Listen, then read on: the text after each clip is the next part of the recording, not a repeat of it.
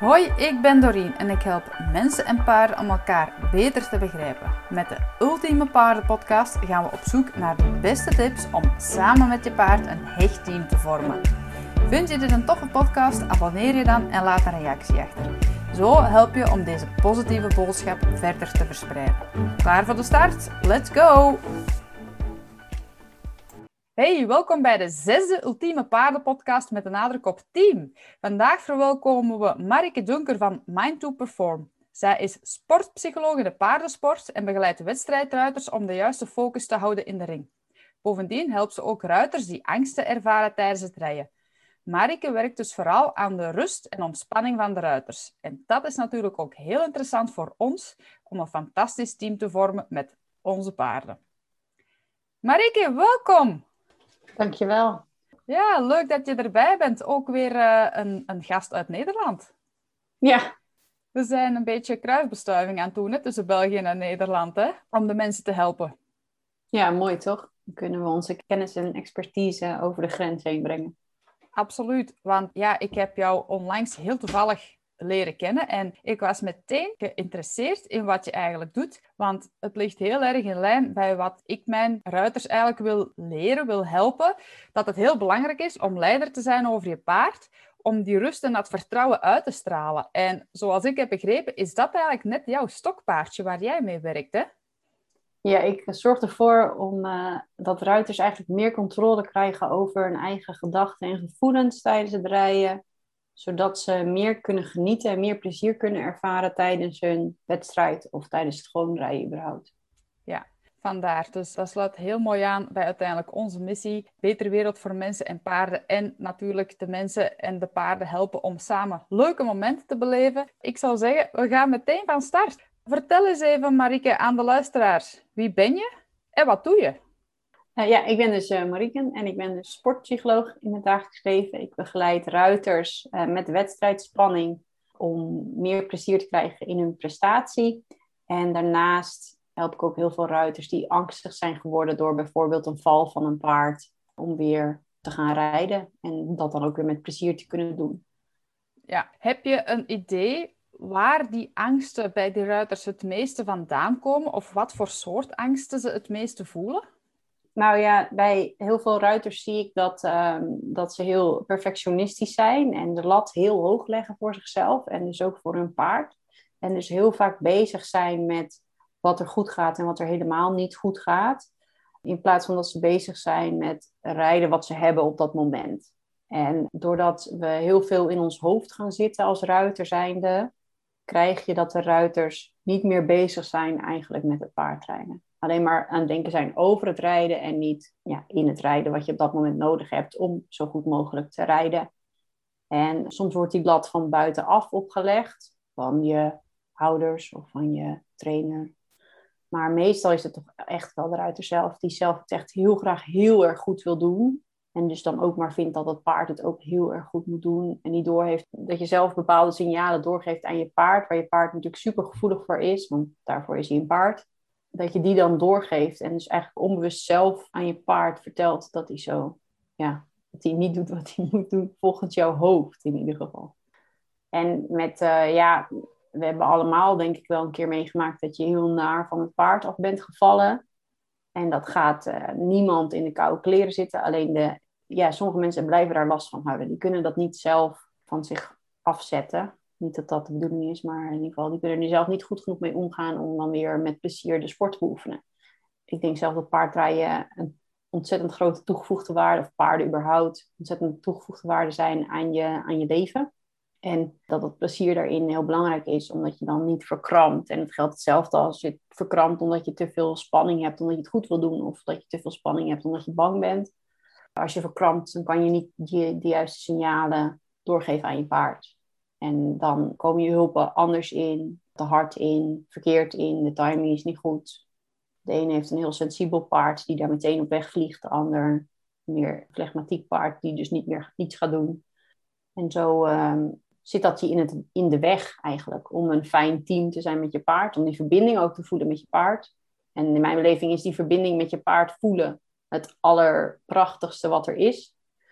En als jouw hoofd het overneemt, al dan niet voor angst of voor ja, valangst of faalangst. Dus weet je, of ik het wel goed genoeg doe of, ik ben bang om te vallen, dan kan, dan kan je nooit meer in die verbinding zijn met je paard en daarvan genieten. Ja, heel mooi. Ook dat je verwijst naar die verbinding, want dat is uiteindelijk toch wat de kern zou moeten zijn in dat team met je paard, in die relatie met je paard. En natuurlijk, jij werkt dan grotendeels waarschijnlijk met wedstrijdruiters, dan zijn de prestaties ook wel belangrijk, maar uiteindelijk is de belangrijkste toch nog altijd waar we het over hebben, hè, om dat team te vormen. En daar is die verbinding belangrijk voor. Ook vooral op emotioneel niveau. Hè. En ik vind het heel mooi hoe dat je het zegt, dat de meeste ruiters heel vaak in hun hoofd zitten. En ja, dan ga je inderdaad niet die verbinding kunnen voelen. En dan ga je vanuit de verkeerde, ja, hoe moet ik het zeggen, signalen of, of ingevingen reageren. Dan ga je te veel rationeel zijn en misschien andere dingen doen die je anders zou doen, terwijl je gewoon in training bent en niet die prestatie eraan vasthangt van oh, ik wil eerst zijn of ik wil een goede prestatie leveren of ik zou vandaag graag een medaille halen of weet ik veel wat. Dus heb je daar een tip voor hoe mensen dat kunnen uitzetten, laat ons zo zeggen? Of hoe help je hen daarmee? Ja, dat zou echt de ultieme truc zijn als je gewoon de knop uit ja? zetten van je hoofd. Maar dat, zo, zo, werkt het helaas niet. Ik denk dat als je ehm, op het moment dat je je hoofd aan het paardrijden is, om het maar even zo te noemen, dat je ook altijd te laat bent met je hulpen. En niet natuurlijk drie minuten te laat, maar echt een fractie van een seconde. Maar voor die ultieme prestatie is het wel belangrijk dat je timing eigenlijk optimaal is. En op het moment dat wij aan het denken zijn, zijn we altijd te laat. De kracht van ons hoofd, zoals die is, zoals die is van de mens überhaupt, is dat we zo goed kunnen nadenken. En tegelijkertijd is dat natuurlijk ook een enorme valkuil, want we gaan overredeneren. We hebben een oordeel, uh, we hebben herinneringen vanuit vorige ervaringen.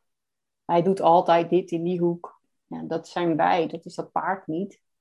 En, maar onbewust, op het moment dat je het denkt, heb je al een signaal naar je spieren gestuurd. En dus een signaal naar je spieren betekent een signaal naar je paard. Want je paard is zo fijngevoelig dat hij daarop reageert. Los van dat als jij reageert op jouw hoofd, dus in je hoofd zit, dan horen we ook, of zien we, lezen we niet, luisteren we niet naar ons paard. Dus we luisteren ook niet het signaal van het paard goed terug. Dat kan alleen maar als jij in, ook in het moment bent. Het paard is altijd in het hier en het nu. En jij, als jij dat ook bent, dan kan je samen heel mooi in die verbinding gaan en een mooie prestatie neerleggen. En ik denk dat de kunst hem voornamelijk zit in op het moment dat je observeert of opmerkt dat je niet meer in het hier en nu bent met je gedachten.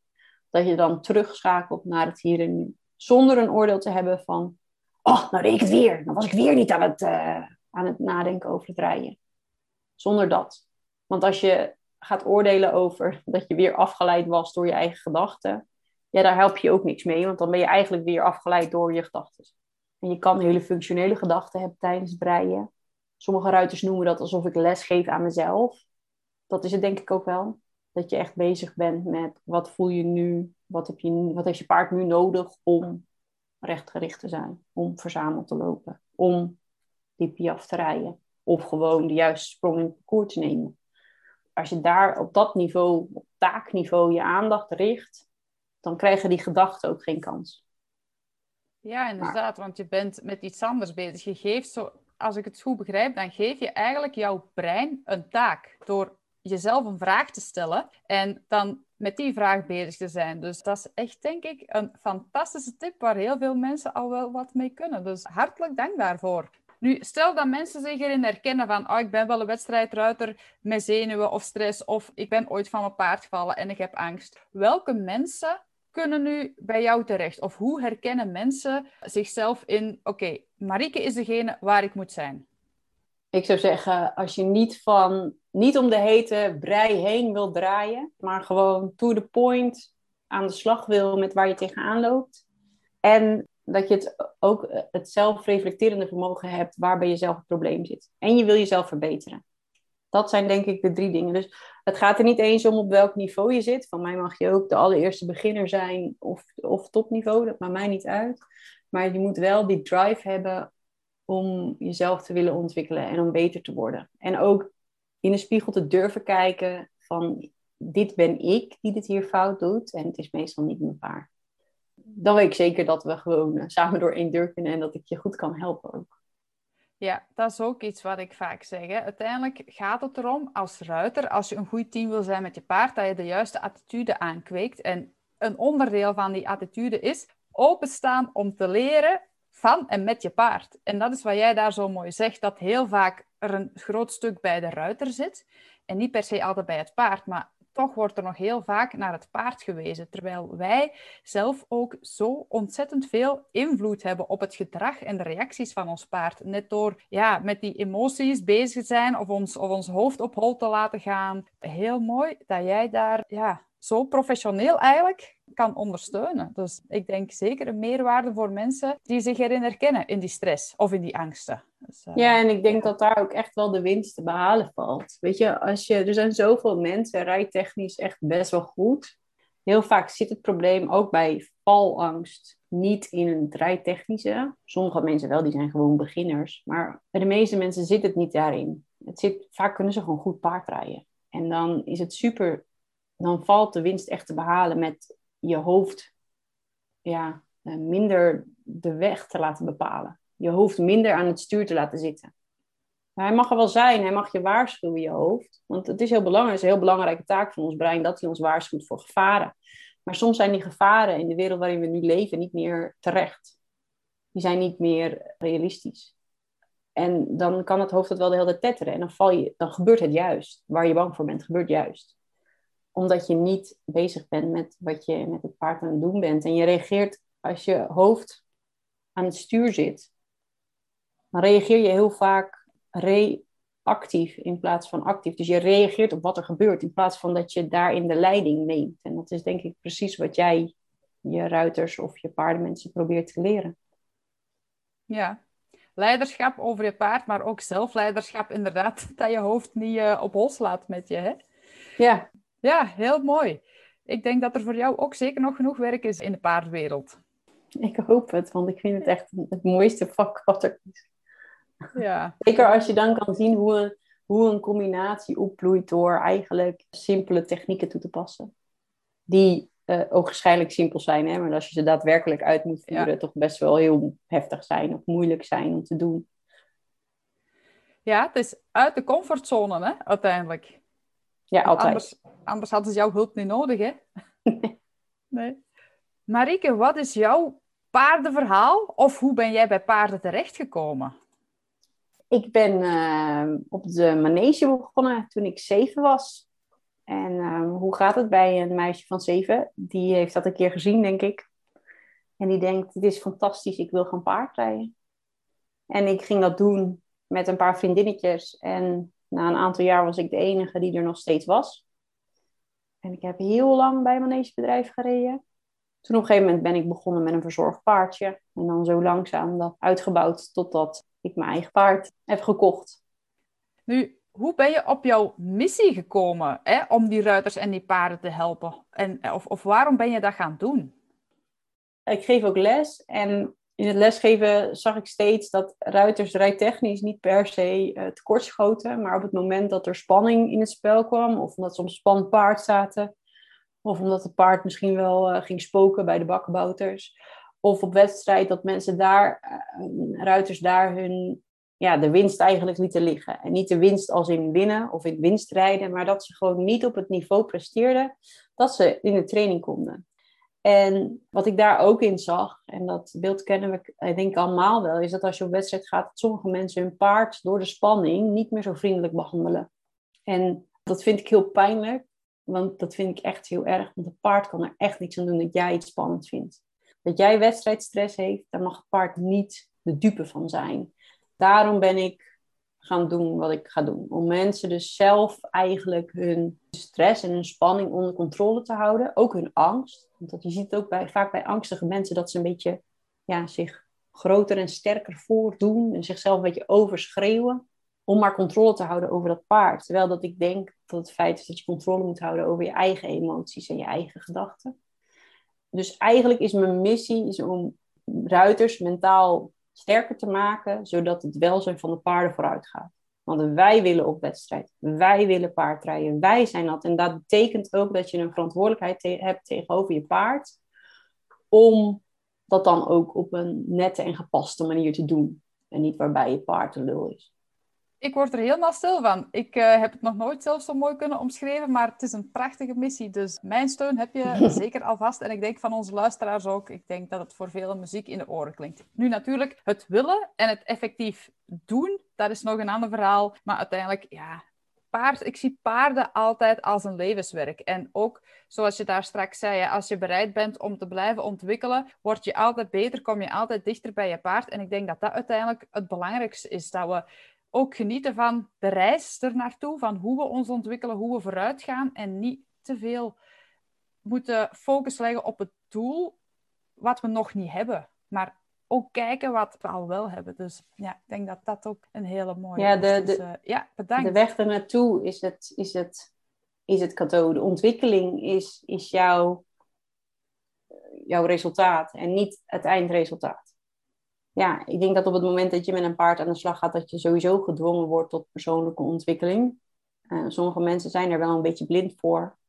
Maar ik denk dat er steeds een ruimer beeld komt van hoe, hoe dan wel eigenlijk. Ja, daarom. Dus we kunnen niet meer doen dan ons best aan onze visie en onze missie ook blijven verkondigen. En zo ook weer bijdragen aan een mooier wereld voor mens en paarden. Ja. Mijn volgende vraag gaat eigenlijk, je hebt er al een stukje van gezegd, want daar straks had je het over een team zijn met je paard en had je het heel mooi over die verbinding. Nu, als je nu kijkt naar jouzelf en jouw paard, wat is voor jullie een ultiem voorbeeld van op dat moment voel ik me echt een team met mijn paard? Ja, voor mij, voor mij en voor mijn paard, mag ik ook wel gerust zeggen, is, is die ultieme verbinding komt naar voren op het moment dat we echt samen kunnen werken. Dat we eigenlijk bijna geen hulp gegeven hoeft te worden, maar dat het echt van hoofd tot hoofd, ik hoef het maar te denken en hij doet het. Dat gezegd hebben, dat is voor mij eigenlijk het allerbelangrijkste. Als ik dat niet heb, als ik dat niet kan voelen, dan ja, dat neemt echt iets waardevols. Dat is echt iets waardevols in de sport. Voor mij. Als je die verbinding kan voelen, dan kan je alles samen. En voor ons is de samenwerking zo dat wij crossen. Dus we doen een eventing. En op de momenten dat ik twijfel, dat hij dan eigenlijk zegt: Kom, ik neem je mee, we kunnen dit. En andersom ook, dat op het moment dat hij twijfelt, dat ik kan zeggen: Kom, we kunnen dit en we gaan. En als wij alle twee in die mindset zitten, ja, dan vliegen we gewoon het hele, hele crossparcours door. En dat is echt zo, zo'n fantastisch gevoel als je dat samen kan presteren. Ja, absoluut. Een heel mooi voorbeeld. Ik krijg er kippenvel van. Ik heb zelf vroeger ook nog eventing gedaan, dus ik kan uh, heel, me helemaal voorstellen hoe je dat bedoelt en wat een zalig gevoel het inderdaad moet zijn. Als je nu terugkijkt naar jouw eigen paardencarrière, of bijvoorbeeld als je kijkt naar de, de mensen waarmee je hebt gewerkt, heb jij voor jezelf of met een bepaalde combinatie echt een bepaalde uitdaging of, of een heel moeilijk moment gehad dat je zegt van oké, als ik één grote uitdaging moet opnoemen, was het dat? Met je eigen paard of met een combinatie waarmee je hebt gewerkt? Als ik vanuit beroepsmatig zou zeggen, dan zou ik zeggen, dan is het, zijn het vaak de ruiters die heel graag willen, maar echt heel moeilijk voelen in hun lijf omdat ik zelf heel goed voel in mijn lijf, waar ik spanning vasthoud, waar ik niet goed zit.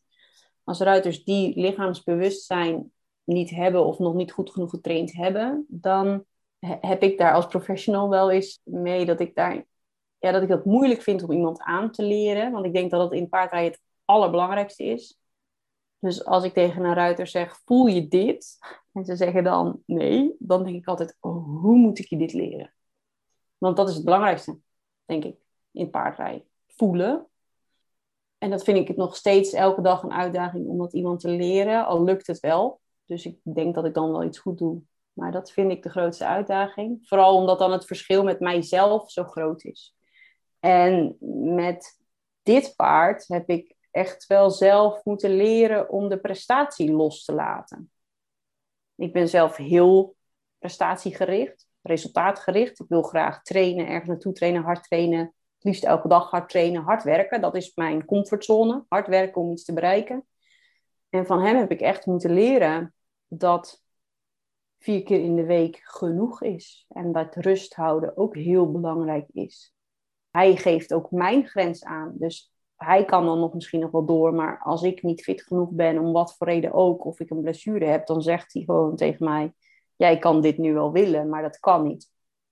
Omdat je zelf niet genoeg uh, flexibiliteit hebt in je lijf. Ik heb een blessure gehad, heel heftig in mijn rug. En ik kon op een gegeven moment, wilde ik van hem een bepaalde verzameling rechtsom hebben. En hij zegt, ik kan niet verder buigen, want jij komt niet genoeg mee. Ja, dan, dat zijn wel confronterende momenten. En daar heb ik heel veel van geleerd. Dat er eigenlijk het paard op mijn rem trapt, in plaats van dat ik dat zelf doe.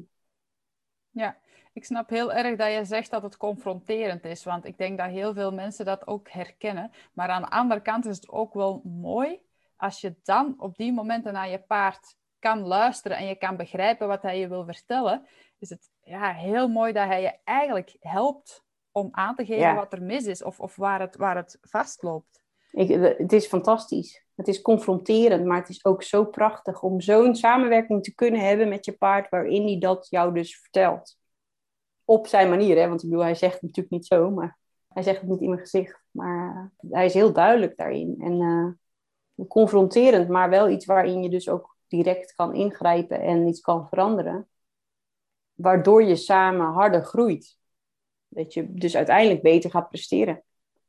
Ja, en zo komen we weer op dat punt hoe belangrijk persoonlijke ontwikkeling en eigenlijk jouw eigen attitude is in het hele proces van goed zijn met je paard. Als je niet open staat om de signalen van je paard te willen aanvaarden of zien of, of lezen, ja, dan mis je toch eigenlijk wel heel veel. Ja, ik denk dat je paard continu signalen aan je doorbrieft. En als jij te veel in je eigen hoofd zit en ook dus te weinig in je eigen lijf, dat je al die signalen over het hoofd ziet. En het kan een signaal zijn van een blessure bij het paard zelf. Maar het kan ook een signaal zijn van iets bij jou. Of dat nou iets mentaals is of iets fysieks is. Je paard heeft het al lang gezegd. Alleen de vraag is, heb jij het gehoord en heb je geluisterd? Of heb je het goed begrepen wat hij of zij bedoelt? Hè? Dat is ook mhm. nog zoiets natuurlijk. Ja. Hè? Eh, heel moeilijk natuurlijk, want wat zegt hij nou eigenlijk op zijn manier? Want hij kan natuurlijk, je kan het echt volkomen verkeerd interpreteren. Hij heeft een blessure. Nee, nee, hij loopt zo omdat jij daar vast zit. Dat vind ik inderdaad soms wel een moeilijke. Om te kijken van oké, zit het nu bij mij of is het iets fysiek bij mijn paard? Want natuurlijk, een paard kan ook een blokkade hebben. Heb je daar tips voor? Hoe kunnen mensen eigenlijk echt even checken van oké, is het nodig om een fysio of een dierenarts te bellen of zit dit nu echt bij mij? Ik check het altijd bij mezelf. Ik weet dat toen ik uh, voor mijn eerste dochtertje kreeg, toen was ik zwanger, maar ik wist het niet. En uh, mijn verzorgpaard, die kon me altijd heel duidelijk vertellen wanneer ik iets ontkende. Dus als ik net deed alsof er niks aan de hand was, terwijl ik een hele drukke rotdag had gehad, dan kon ik wel willen, hard willen trainen, maar dan kon ik altijd echt wel me naar het hier en nu halen. Door echt wel even een stoot tegen mijn schouder aan te geven en echt wel even. Hè? En dat deed hij altijd zo. Dus op een gegeven moment begon ik dat patroon te herkennen. En dan moet ik gewoon even een check doen bij mezelf. Waar zit ik mee, weet je? En dan gaf ik daar even aandacht aan en dan liet ik het los. Of ik stond er toe om te zijn. En dan kon ik best wel fijn met hem werken. En toen was ik zwanger. Nou, dus ik doe een check bij mezelf. Van, uh, nou ja, hè, zit ik iets te ontkennen? Weet je, ben ik iets aan het ontdrukken? Een emotie, een gedachte, ergens waar ik mee zit, bla bla. Nee, dat was allemaal niet zo. En ik begreep maar niet waarom die maar bleef zeggen: Ja, maar hallo, hallo, weet je, er is iets. Toen ehm, had ik uiteindelijk een zwangerschapstest gedaan. En toen bleek ik dus zwanger. En toen was het ook over. Toen hoefde die ook niet meer tegen mij te zeggen dat er wat was en dat ik daar iets mee moest, zeg maar. Zo. En ja, voor mij geldt heel sterk dus naar binnen keren en kijken van zijn er bepaalde gedachten waar ik mee zit, bepaalde emoties. Um, heb ik ergens pijn in mijn lijf? Dus echt een bodyscan van hè, hou ik ergens spieren vast? Heb ik rugpijn en zo? Ben ik heel erg moe? Ik denk dat iedereen dat wel herkent, maar zich er niet bewust van is. Dus dat je als maar maar doorgaat, wat mijn uh, voorkeur is per definitie, is dat je helemaal niet stilstaat bij eigenlijk hoe je je voelt. En op het moment dat jij oprecht kan zeggen: hey, ik ben ja, uh, schoon, clean, zeg maar. Er is, speelt niks bij mij. Ja, dan kan je bij je paard zoeken. En sowieso kan je natuurlijk bij je paard zoeken. Je kan natuurlijk eerst de fysio laten komen en dan de dierenarts. En dan tien onderzoeken verder nog steeds niet begrijpen wat er aan de hand is. Ja, dan kan je ook bij jezelf kijken. Maar je kan ook beginnen bij jezelf. Dat is misschien het snelste. Ja, een hele goede tip. En eigenlijk wel heel magisch om te horen hoe jouw paard je eigenlijk wilde vertellen dat je dan zwanger was. Maar kijk, dat heb je ook niet kunnen begrijpen op dat moment. Hè? Want ja, wie ik begreep er helemaal niks van. Nee, en, en paarden, ik weet, ik weet niet uh, hoeveel van je luisteraars zwanger zijn geweest tijdens in de buurt van paarden. Maar alle paarden die ik ontmoet, uh, ik werk veel met paarden ook. Uh, veel met verschillende paarden, paarden die ik niet ken, paarden die ik heel goed ken, et cetera en al die paarden groeten die zwangere buik. Al die paarden weten dat je zwanger bent. En die komen ook, paarden die je nooit groeten, komen je dan ineens groeten, omdat je zwanger bent. Het is echt heel bijzonder. Dus uh, ik zou iedereen die zwanger is, erop willen attenderen om daar maar eens op te letten. Hoe dat gaat. Dat is zo bijzonder. Het is een soort van heel pure, magische, maar heel natuurlijke respons op dat die, die groei van die baby, dat daar dan ja, net als dat honden altijd ineens op schoot en op je buik gaan liggen. Katten doen het ook. En die paarden doen het echt allemaal. Het is echt heel bijzonder. Ja, ik krijg er kippenvel van. Het is gewoon prachtig. Ja, absoluut. Ik zeg ook vaak, paarden zijn zo'n magische dieren. En we gaan gewoon nooit in ons leven kunnen doorgronden wat er in hen omgaat. En zelfs tien mensenlevens zijn volgens mij zelfs te kort. Ik zou zeggen, misschien moeten we er gewoon maar van genieten van die magische momenten. Ja, ze zeggen ook dat paarden verder emotioneel ontwikkeld zijn dan wij als mens. Dus dat ze daarom zo sensitief op ons kunnen reageren en ons daarom ook zoveel kunnen leren. Ja, ook een stukje vanuit hun verleden als, ja, ze zijn het nog altijd, maar om prooidieren te zijn, dat ze heel intuïtief moeten zijn om te kunnen overleven als soort. Dus ik denk dat ook dat een van de redenen is, vanuit de evolutie gezien, waarom paarden zo veel sterker gevoel en een intuïtie hebben als wij mensen. Nu ben ik er ook mee akkoord. Mensen hebben ook een hele sterke intuïtie, maar vele mensen zijn het gewoon kwijtgeraakt of luisteren er niet naartoe. Maar paarden zijn op dat vlak eigenlijk nog heel puur en zuiver en zij hebben het wel. Ja, eigenlijk, wat is er mogelijk als wij mensen nog onze zuivere intuïtie zouden durven gebruiken. Ja, en als dat niet wordt afgestraft door de wereld om ons heen. Want ik denk dat dat heel sterk gebeurt. Ja. Als, je, als je kinderen ziet die daar nog heel puur in zitten, dat wordt je gewoon afgeleerd. En uh, sommige mensen kunnen daar beter bij blijven. En ik denk dat als je daarin kan blijven, dat het je heel veel oplevert. Vooral ook in de samenwerking tussen mens en paard. Ja, absoluut. Ja, ik denk dat dan, dan kan je naar de ultieme verbinding. Denk ik ook. Wat is jouw paardendoel of met je zaak op lange termijn? En dat zie ik op 5 à 10 jaar. Ik zou graag met Toot, met mijn paard, zou ik graag een uh, L-eventing rijden. Dat is het maximaal haalbare, omdat die gewoon te klein is voor de sport. En ik zou gewoon zo graag zoveel mogelijk ruiters willen helpen. Zodat de, de paardensport en het welzijn van de paarden gewoon uh, verbeterd kan worden dat zou echt wel mijn ultieme droom zijn. Als ik over tien jaar gewoon echt, weet ik veel, miljoenen ruiters. Nee, hoeveel zijn er in Nederland en België samen? Zoiets. Ik heb, ja, toch kunnen helpen. Veel. Ja, toch wel veel. Dus uh, nee, dat. En wat ik ook heel fijn zou vinden, misschien dat nog wel belangrijker dan de ruiters, is dat je de, de, de instructeurs en de trainers uh, dit stukje kan bijbrengen. Dit stukje begrip kan bijbrengen, zodat daar ook aandacht voor is. En er zijn natuurlijk heel veel instructeurs, uh, niet lullen maar poetsen. Uh, ja, ja, dat zeg ik zeg goed hè. Ja, maar dat je mensen ook leert om daarmee om te gaan en dat stuk van de paardensport of dat deel van paardrijden ook meenemen. Zodat dat van jongs af aan bij die kleine ruitertjes er al goed mee om wordt gegaan. Met bijvoorbeeld angst. Ja. Want er is, er is een reden waarom we gaan. Waar allemaal al die kleine meisjes en jongetjes kiezen om te gaan paardrijden, omdat het iets magisch heeft. Omdat het paard iets heeft waar, waar je iets mee wil. Je wil die verbinding aan, je wil die verbinding met de natuur aan, je wil een stukje verbinding met jezelf aan. En dat valt in staat met welke instructeur je treft.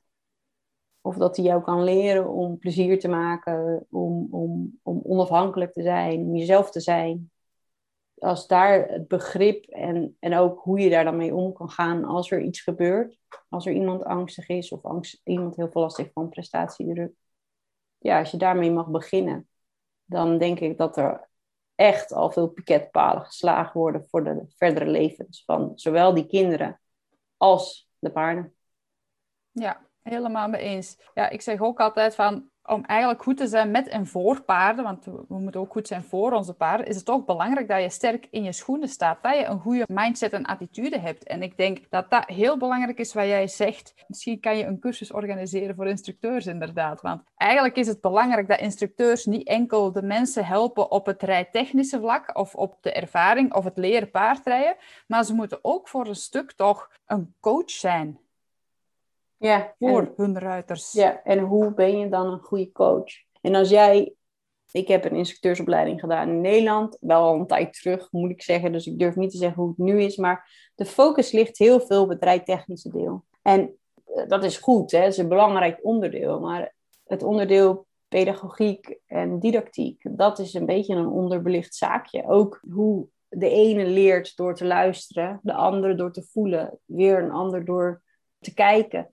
hoe speel je in je les of in je training in op de leerbehoeften van jouw ruiters? Dat heb ik niet geleerd. Ja, ik heb het wel geleerd, maar ergens anders. Ja, dan snap je waarom die ene nou nooit luistert in je les. Die, kennen we allemaal, die ene die nooit luistert. Ja, je spreekt gewoon een verkeerde taal. En, maar dan, moeten wij, dan moet jij jezelf als trainer of als coach of als instructeur moet je, je ontwikkelen om dat te kunnen. Ja, en daar is inderdaad denk ik ook nog veel werk. Maar dat is dan nog een, een missie apart. Dus uh, misschien is dat voor binnen tien jaar, als je eerst die ruiters hebt gedaan of omgekeerd. Of je gaat hulp moeten inschakelen, denk ik, om ze allemaal uh, tegelijk te doen. Ja, ja. Ah, ja dromen mag, hè? Absoluut. Belangrijk. Absoluut, daarom. Hoe meer bondgenoten in de reis om uh, het beter, mooier en makkelijker te maken voor mensen en paarden, hoe beter uiteraard. Dus daarom uh, connect ik ook zo graag met mensen die eigenlijk hetzelfde willen als ik qua missie, een betere wereld voor mens en paard, kort gezegd, maar die gewoon vanuit een hele andere expertise, een ander terrein weer aanpakken. En op die manier geloof ik echt dat je elkaar zo ontzettend kan versterken en ja, samen weer wel kan bouwen om die meer mensen en die meer lesgevers en meer eender wie in de paardenwereld te gaan bereiken, denk ik. Op je eigen manier dan absoluut. Als we naar je paardendoelen kijken op lange termijn, wat zou dan een onderdeel zijn wat je op korte termijn doet? Dus wat zou je tussen dit en een jaar daarvan al willen in de wereld zetten of bereiken? Of hoe pak je het aan? Nou, als sportpsycholoog, zal ik maar gewoon even zo doen, zou ik eerst een basismeting doen. Dit kan iedereen dus doen. Kijken waar je nu staat. Een basismeting. En dan kijk je hoe je, ja, waar je dus over een jaar wil zijn. In het kader van waar je bent of wil zijn over vijf of tien jaar. Dan ga je dat ophakken in stukjes. Met metingen ook gewoon. Weet je, dus uh, stel ik wil over een jaar in ieder geval uh, B-eventing zijn. Bevestigd, dus uh, erin. Dan zou ik nu, dan moet ik ten eerste wedstrijden gaan plannen. Want ja, anders kom ik er niet. En die wedstrijden zijn dan meetmomenten. En dan moet ik gaan trainen, zodat ik dat kan. En dan zou je bij je basismeting, kom je er dan achter. Het kan al een wedstrijd zijn. Hè? Het kan ook je instructeur zijn die, uh, die vertelt wat je nog moet kunnen voordat je er naartoe komt. En dan uh, die basismeting, dan blijkt uit die basismeting hoe je ervoor staat. En sowieso als je zo naar je gewone wedstrijden gaat kijken als basismeting of als meting, meetmoment, dan is het al een stuk minder spannend. Want je gaat gewoon kijken waar je staat. Dus dat helpt heel erg. Het geeft je ook heel erg een taakfocus. Want als jij een wedstrijd hebt gereden en je schouder binnenwaarts is nog niet goed genoeg, voor de rest heb je het eigenlijk wel goed voor elkaar. Dan weet je dat je aan je schouder binnenwaarts moet werken. Als uh, je wedstrijd, uh, je hebt een cross gereden en eigenlijk ging het allemaal wel goed, maar je bent wel echt nog een uur buiten adem, dan moet je iets aan je uithoudingsvermogen gaan doen. Nou, zo, dus doe een basismeting. Vaak stellen we een doel en dat wordt dan onrealistisch, omdat we niet bedacht hebben hoe we tot dat doel komen. We kunnen natuurlijk best wel willen dat we straks op zetniveau door de ring heen gaan. Maar als jij je nagevelijkheid en je basis in het rijden niet op orde hebt, dan kan je wel de ring in op zetniveau over eh, weet ik veel, hoe lang. Maar het heeft geen zin. Dus kijk eerst maar eens waar je nu staat en bedenk dan wat realistisch zou zijn wel een beetje uitdagend, dus niet te makkelijk. Ik kan ook zeggen, ik wil over vijf jaar de PI-venting hebben. Nou ja, dat, dan kan ik nu nog op mijn luie reet gaan zitten hoor, want dat kunnen we al bijna. Ja, dus dat moet wel een beetje prikkelend zijn. moet je stimuleren, het moet je motiveren. En ook eigenlijk onhaalbaar zijn op het moment dat jij of je paard geblesseerd raakt, want anders is het niet goed genoeg. En er kan natuurlijk altijd iets gebeuren waardoor je ja, niet je doel gaat halen. En dan is het op tijd bijstellen. Dat, denk ik. Of je doel bijstellen. Want als je het dan bijvoorbeeld hebt over blessures, dan hebben we het soms inderdaad over weken of maanden dat er tussenuit vallen. Ja. ja, en dan moet je weer helemaal bij, bij, bij het begin beginnen. En afhankelijk van je basisconditie, om het zo maar zeggen, de basis, de staat waarin je de blessure in ging, kan je daarna het al dan niet sneller of, of snel oppakken of dat het juist langer duurt. Ik denk dat daar ook heel veel winst zit, hè? want dat sluit heel mooi aan bij wat je in het begin zei, dat heel veel van de combinaties die bij jou komen, die eigenlijk de lat veel te hoog leggen. En als je dan inderdaad komt op het punt van durven evalueren en durven je doelen bijsturen en eventueel zelf je doel een beetje terugpakken of verder in tijd zetten. Ik denk dat ook daar een hele mooie van ja, en dan, is. We krijgen wedstrijdstress of wedstrijdspanning of prestatiedruk. Hè. Ik bedoel, kan ook zijn voordat je een presentatie moet geven of een examen.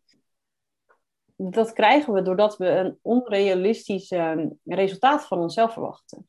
Maar daar zijn we ons niet bewust van. Want hoe vaak in het rijden breng jij je eigen niveau in kaart? Maar ja, objectief. Zo objectief als dat het kan. Misschien wel ehm, van meerdere mensen die dat voor je beoordelen. Dus niet alleen jijzelf, maar ook je instructeur en misschien iemand anders die je goed kent in een paardensport. Dat je een soort van driedimensionale analyse krijgt. Van wat, wat, wat denk jij dat ik nog aan moet werken? Of weet je, zo. En eh, daardoor krijg je een realistischer beeld van jezelf. Jezelf op video zetten, krijg je ook een vrij realistisch beeld van.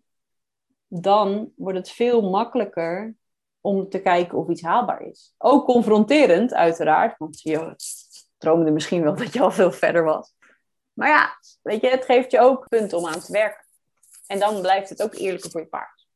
Ja, en zoals je daar straks zei, van je, je hebt je meetpunten en je weet gewoon waar je aan kan werken en waar op korte termijn het meeste verbetering uit te halen valt. Want je, je werkt dan gewoon aan de punten die het minst goed zijn op dat moment. En dan verbetert eigenlijk ook weer het geheel natuurlijk. Ja, ik denk dat dit een fantastische tip is. Zeker voor de mensen die concrete doelen hebben met een paard. Ja, dankjewel. Ja, en ik denk dat het dan ook nog heel belangrijk is, om het nog concreter te maken, is, is neem maar twee punten per training. Dus als er tien opdrachten van je meetmoment, neem er gewoon twee. Want je kan toch niet op meer focussen. Het kan echt niet. Maar we willen graag dit en dit en dit en dit en dit en dit. En dan neemt ons hoofd het alweer over. Terwijl dat als jij focust op twee specifieke zaken, dan gaat het misschien dat al heel goed. En kan je de volgende keer twee nieuwe nemen. Of je moet wat langer door op één of alle twee. Dus het echt en opschrijven voor jezelf. Plus na elke training opschrijven wat er goed ging. Ja. En niet per se wat er fout ging. Ja, dat zeg ik ook vaak tegen mensen. Vooral als ze zo'n beetje dat perfectionistische hebben van... Maak voor jezelf eens een dagboekje en elke keer dat je bij je paard geweest bent, schrijf op wat leuk was, waar er verbetering zat. En net zoals je zegt, focus op wat goed gaat en niet op wat niet goed gaat. Want daar, weet je, daar werk je aan. Maar je mag ook wel gerust kijken naar wat je hebt bereikt. Ik denk dat op die manier blijft het leuk voor jezelf en voor je paard. Want ook je paard wil uiteindelijk die bevestiging dat het goed gaat en dat ze goed bezig zijn. Dus ja. ja. En, en vergeet nooit dat jij wil presteren. Je paard wil, het wel, wil graag met jou werken. Jij bent zijn mens en hij wil graag met jou iets samen doen of zij. Maar uiteindelijk ben jij degene die wil presteren. Je paard wil het liefste gras eten in de bij. Met een vriendje. ja, ja dat is gewoon wat hij het liefste wil. Ja. Er is zo'n bepaald gezegde, hè? Uh, iets van uh, paarden waren oké tot wij mensen opdaagden. Hè? Dus, en daar probeer ik ook wel aan te denken. Daarom druk ik er ook zo op. Probeer het ook leuk te houden voor je paard, inderdaad. Net wat jij zegt, wij kiezen ervoor, de paarden kiezen niet voor, wij kiezen ervoor. Maar dan is het echt wel leuk dat ons paard er ook nog plezier in heeft. Of op zijn minst toch voelt dat hij geapprecieerd wordt voor wat hij of zij doet en hoe hij of zij zijn best doet. Want ja, dat mag toch ook wel eens schouderkloppen voor jezelf, maar vooral voor je paard. Ja, alle twee. Nou, de meeste mensen kunnen hun paard nog wel een schouderklopje geven, hè, maar zichzelf niet. Ja, een valkuiltje. Maar ik heb er, eh, ik heb er ook al aan gewerkt hoor. Dus, uh, dus ik ben niet alleen. Ik ben er zeker aan. Ben nee, nee, nee. Je bent zeker niet alleen. Nee, nee, nee. nee. Hoeveel, heel veel mensen die zeggen, oh je paard, je hebt het... dat is ook grappig. Hè? Want je hebt de ene kant die geeft zijn paard de schuld als het fout gaat. Maar je hebt ook de andere kant die altijd zegt dat het paard zo goed zijn best heeft gedaan. Maar dat paard kan alleen maar zo goed zijn best doen als jij ook zo goed zijn best heeft gedaan. Dus het, het werkt twee kanten uit. Dus je verdient zelf ook echt een schouderklopje. Als je naar jezelf hebt gekeken, aangepakt hebt waar je tegenaan loopt. Goed je best hebt gedaan, goed geluisterd hebt naar je trainer. En dan dat het paard, als het paard echt goed zijn best gaat doen, dan heb jij ook goed je best gedaan. Ja, ik ga dat dadelijk opschrijven voor mezelf, als reminder voor mezelf. En uh, ik raad het aan aan andere luisteraars die zich hierin herkennen. Schrijf het op voor jezelf en kijk er eens naar voor en na de training, zou ik zeggen. Ja, ja. Top tip. Ja, we hebben al heel veel boeiende en fantastische tips gekregen. Maar als je nu één ultieme tip moet geven aan de luisteraars om een beter team te vormen met hun paard, wat zou die dan zijn? Ga naar je ademhalen. Dus je gaat eerst maar eens even op de grond oefenen zeg ik dan altijd. We gaan dat niet meteen op het paard doen. We gaan eerst maar eens even op de grond oefenen. En dan ga je even ademhalen. Drie tellen inademhalen, drie tellen uitademen. Drie tellen in. Nou, probeer dat maar eens uh, vijf minuten achter elkaar. En merk op hoe vaak je bent afgeleid. Dat is het moment. Want dat wil je leren herkennen, denk ik. Want als je dat leert herkennen, dat moment waarop je afgeleid bent, dus afgeleid bent door je eigen gedachten, en het gaat snel. In mijn hoofd in ieder geval gaat heel snel. Ik denk nooit niks bijna nooit niks. Dan ga je leren om dan weer terug te, je aandacht te switchen terug naar die ademhaling. En op het moment dat jij je aandacht brengt naar je ademhaling, kan je aan niks anders denken. Multitasken bestaat niet. Het is gewoon wetenschappelijk bewezen, bestaat niet. Je kan alleen snel switchen met je aandacht. Dus op het moment dat jij afgeleid bent door je hoofd en je gaat met je aandacht naar je ademhaling, ben je al uit je hoofd. Dus als je dan tijdens het rijden merkt dat je afgeleid bent, in angst, in paniek. Je hoofd zit aan het stuur. Um, je bent aan het oordelen over het rijden. Dat doe ik zelf ook heel veel. Oordelen over of het nou wel goed gaat of niet. En of de jury nou wel er wat, wat, wat de jury er wel niet van vindt. Wel dat ik helemaal niet kan denken voor de jury.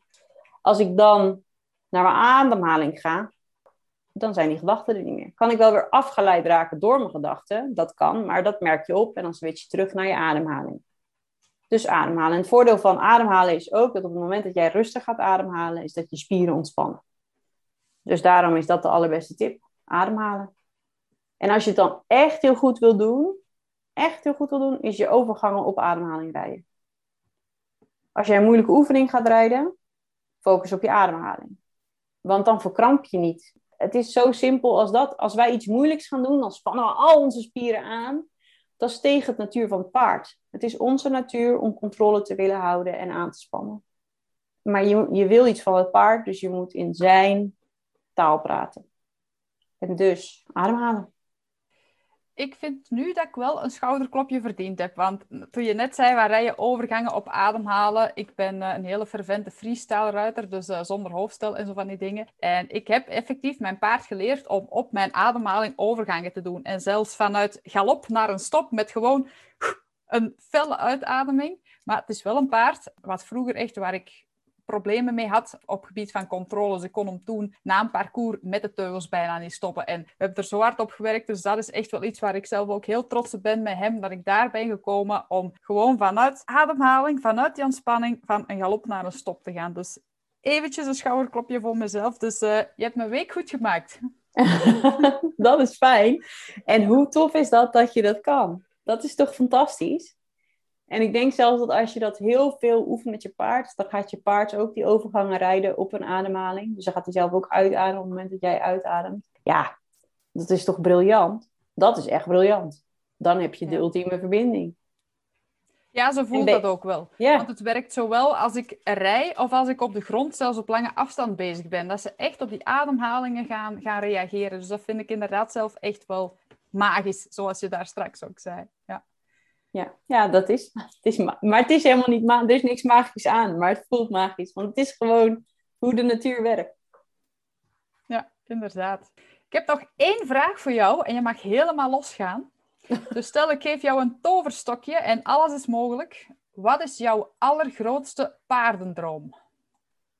Uh, het enige waar ik op kan komen is dat alle paarden samen mogen leven.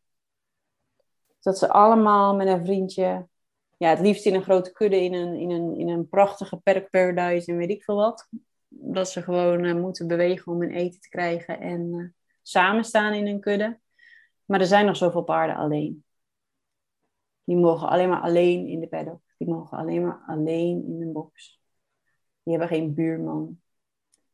Ja, nee dat is voor mij niet, het is nog belangen na niet ideaal en op veel plekken zijn ze ermee bezig, maar Een paard moet gewoon paard kunnen zijn. Een paard moet gewoon in de modder kunnen rollen. Ja, want dat is het lekkerste wat er is. Zonder deken in de modder rollen is het beste toch voor een paard, denk ik. Lijkt mij in ieder geval. Het is een beetje invulling, maar hè, als een paard geen paard mag zijn, dan uh, is het het voor mij niet waard.